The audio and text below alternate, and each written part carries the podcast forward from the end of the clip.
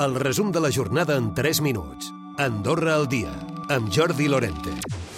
L'ampliació de les ordenances penals als anomenats judicis ràpids als casos més greus ha estat un èxit.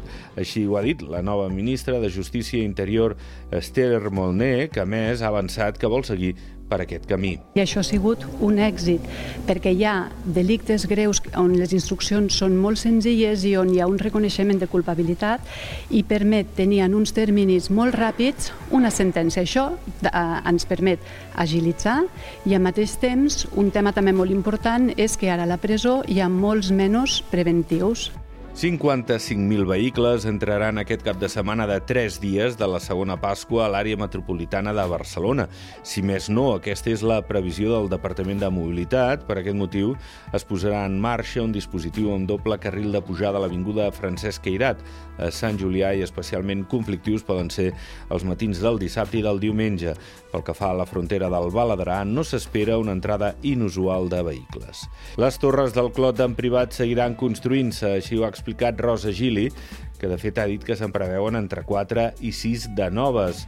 Ho explicava en línia directa. Escoltem Rosa Gili, la cònsul major escaldenca. Sí que hi ha projectes, us ho dic perquè poden ser que sigui una torre més ampla o poden ser torres més petitetes, eh? ocupant menys espai, no?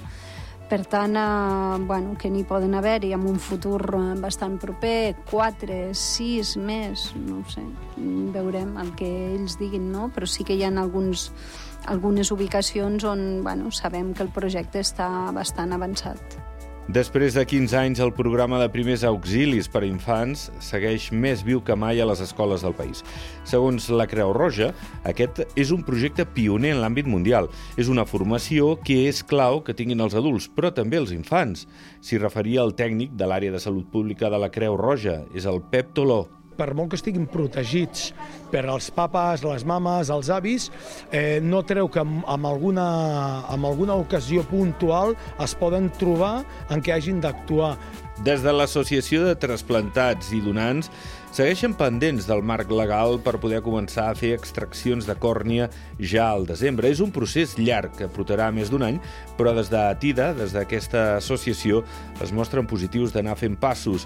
El president és Toni Gamero. Estem pendents del marc legal per fer que això sigui es faci d'una forma correcta i d'una forma transparent perquè aquesta donació no es quedarà al país, sinó marxarà al país veí cap a Espanya.